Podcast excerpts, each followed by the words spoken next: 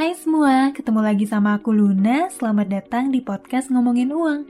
Sekarang Ngomu udah ada di podcast nih. Jadi kamu bisa dengar dan belajar keuangan di sela-sela kesibukan kamu. Atau sekalian nemenin kamu sebelum kamu tidur.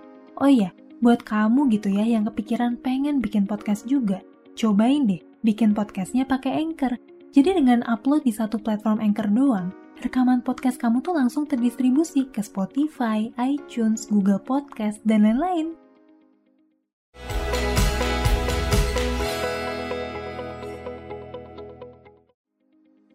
Aku mau berbagi cerita inspiratif tentang seorang yang kaya raya, tapi jarang banget dikenal sama publik.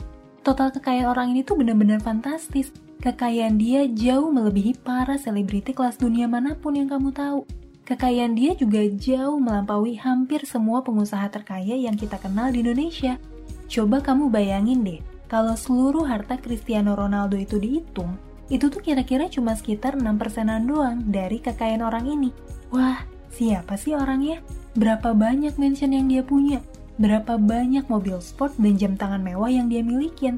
Pasti hidupnya bergelima kemewahan ya? Jawabannya enggak. Dia tuh hidup sederhana banget. Dia nggak punya mobil, nggak punya rumah. Bahkan jam tangan dia aja tuh cuma Casio yang harganya beberapa ratus ribu doang. Wah, terus uangnya dipakai apaan dong? Masa sih uang sebanyak itu cuma disimpan doang? Kenali nih, namanya Charles Francis Finney atau lebih dikenal dengan nama Chuck Finney. Dia itu seorang pebisnis hebat yang ngebangun bisnis retail multinasional dan selama 38 tahun terakhir, secara diem-diem, dia ngehibahin hampir semua harta kekayaannya. Wah, serius tuh hampir semua uangnya dihibahin? Yep, beliau tuh ngabisin waktu 38 tahun buat ngehibahin 99,8% kekayaannya buat pendidikan, kesehatan, kesejahteraan orang lanjut usia, dan masih banyak lagi. Nah, pasti kebanyakan dari kamu gak pernah denger kan kisah hidup beliau? Opa yang satu ini tuh emang unik banget. Soalnya walaupun uangnya banyak banget, dia itu gak suka ketenaran dan kemewahan. Makanya, dia tuh hampir gak pernah tampil ke publik, apalagi pamer kekayaan. Uang dia nyumbang uang ratusan miliar sampai triliunan aja diem-diem kok. Sampai-sampai gak ada wartawan yang liput selama puluhan tahun. Jadi, sebenarnya Chuck Finney itu siapa sih? Chuck Finney itu adalah seorang keturunan Irlandia nih, yang lahir di tahun 1931 di New Jersey, Amerika. Pada saat itu, Amerika itu lagi dilanda depresi ekonomi yang sangat mengerikan selama 10 tahun. Terus disusul lagi sama Perang Dunia II selama 6 tahun. Orang tua Finney bukan orang yang kaya raya nih. Ayahnya itu seorang pegawai asuransi. Terus ibunya adalah seorang perawat di rumah sakit. Dari remaja, Finney tuh udah punya intuisi bisnis yang luar biasa banget jadi walaupun saat itu dunia lagi dilanda perang dunia, Vini tuh tetap berusaha buat beradaptasi dan manfaatin situasi untuk berbisnis dan ngehasilin uang. Bisnis besar pertama yang dia kembangin itu berawal ketika dia ngikutin perjalanan armada Angkatan Laut Atlantik Amerika. Dalam situasi perang, dia tuh ngejual berbagai macam barang bebas pajak ke para tentara yang berlayar jauh ninggalin negara mereka. Mulai dari bahan makanan, minuman beralkohol, rokok, parfum, pokoknya segala macam deh. Setelah Perang Dunia berakhir, perekonomian di seluruh dunia tuh mulai pulih. Hubungan diplomatis antar negara juga mulai tumbuh lagi. Untuk pertama kalinya nih, perdagangan dan pariwisata di seluruh dunia tuh berkembang dan semakin global. Seiring dengan perkembangan teknologi penerbangan komersil yang micu percepatan globalisasi, Vini tuh ngeliat ini sebagai prospek bisnis gitu, buat ngebangun jaringan retail barang bebas pajak di seluruh dunia Jaringan retail multinasional rintisan Vini ini tuh terus berkembang besar.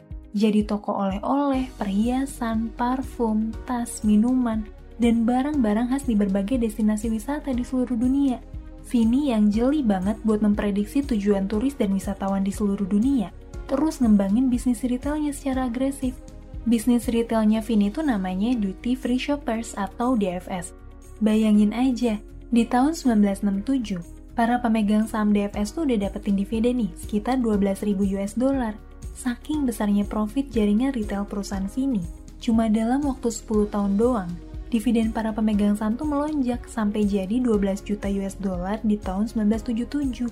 Dan satu dekade berikutnya, dividen para pemegang saham tuh kembali meroket jadi 334 juta US dollar yang didapat dari laba jasa perhotelan, pakaian, dan bisnis retail. Kunci keberhasilan bisnis Vini itu adalah selisih harga yang besar nih dengan harga pokok modalnya. Jadi setiap penjualan barang tuh selalu menghasilin profit margin yang sangat tinggi.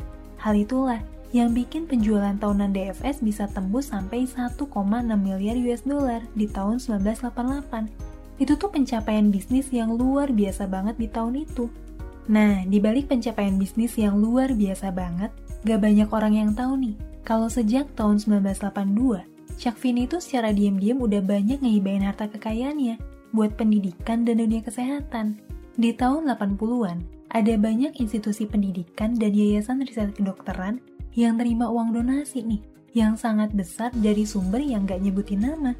Tindakannya itu dilakuin dengan sangat sembunyi-sembunyi nih, sampai partner bisnisnya aja tuh nggak tahu kalau sebetulnya Chuck Finney udah ngalihin harta kekayaannya dari perusahaan DFS ke Yayasan Amal yang udah dia bikin sejak tahun 80-an.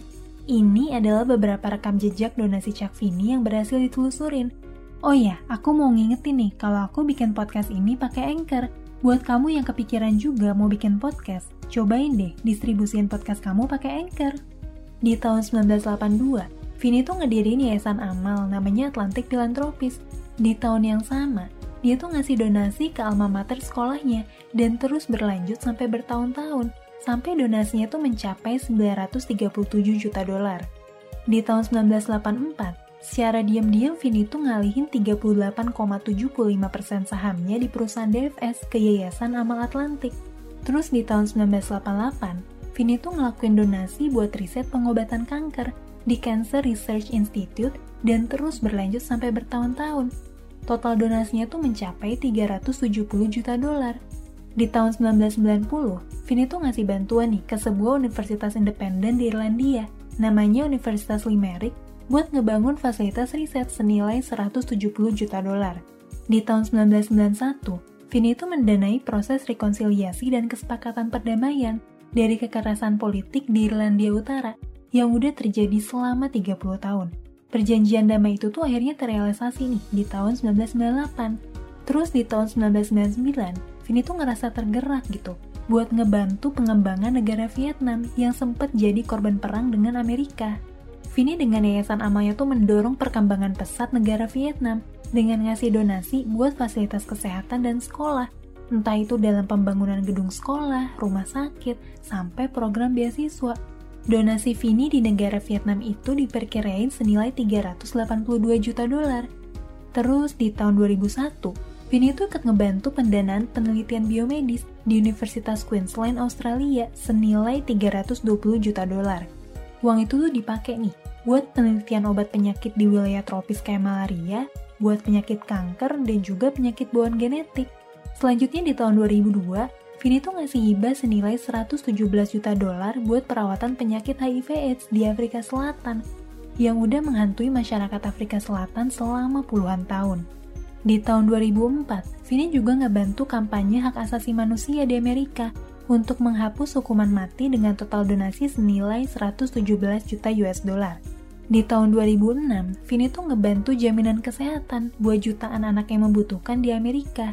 Di tahun 2008, Vini juga mendanai pengembangan pusat pendidikan kesehatan di Universitas California dengan total 290 juta dolar. Dan di tahun-tahun berikutnya, Vini tuh terus fokus ngasih donasi ke berbagai program kesehatan, pendidikan, dan hak asasi manusia sebesar 1, miliar dolar. Sampai-sampai harta kekayaannya tuh hampir habis di tahun 2020. Selama 38 tahun terakhir, ini nih portofolio donasi yang dikasih sama Vini. Diperkirain masih banyak banget donasi rahasia yang dikasih sama Vini, tapi nggak tercatat dan nggak diketahui jejaknya sama publik. Keren banget ya! Toko kita yang satu ini tuh juga menginisiasi program ajakan untuk beramal buat orang-orang super kaya dan juga ikut menginspirasi Bill Gates dan Warren Buffett buat ngembangin yayasan amalnya yaitu The Giving Pledge dan Melinda Gates Foundation. Saat ini Chuck Finney udah berumur 89 tahun dan udah ngedonasiin 99,8% kekayaannya. Beliau tuh sekarang tinggal sederhana nih di sebuah apartemen barengan sama istrinya di San Francisco. Dari cerita ini, Ngomongin uang mau berbagi inspirasi tentang hidup seorang entrepreneur hebat yang jago banget ngumpulin uang. Tapi uniknya, dia tuh justru nggak tertarik sama kekayaan ataupun popularitas. dia tuh lebih tertarik buat ngehibahin harta kekayaannya selama bertahun-tahun dengan sangat hati-hati dan terencana. Semoga cerita ini tuh bisa menginspirasi kamu dan memotivasi kamu dalam mencapai tujuan finansial kamu. Oh ya, buat kamu yang pengen nonton penjelasannya dengan lebih detail dalam format video, kamu bisa nonton di channel YouTube Ngomongin Uang. Kamu tinggal search aja nih video yang judulnya sama dengan podcast ini. Oke? Aku tunggu kamu di YouTube ya. Sampai ketemu lagi di podcast berikutnya. Tetap di podcast Ngomongin Uang, karena ngomongin uang gak ada habisnya.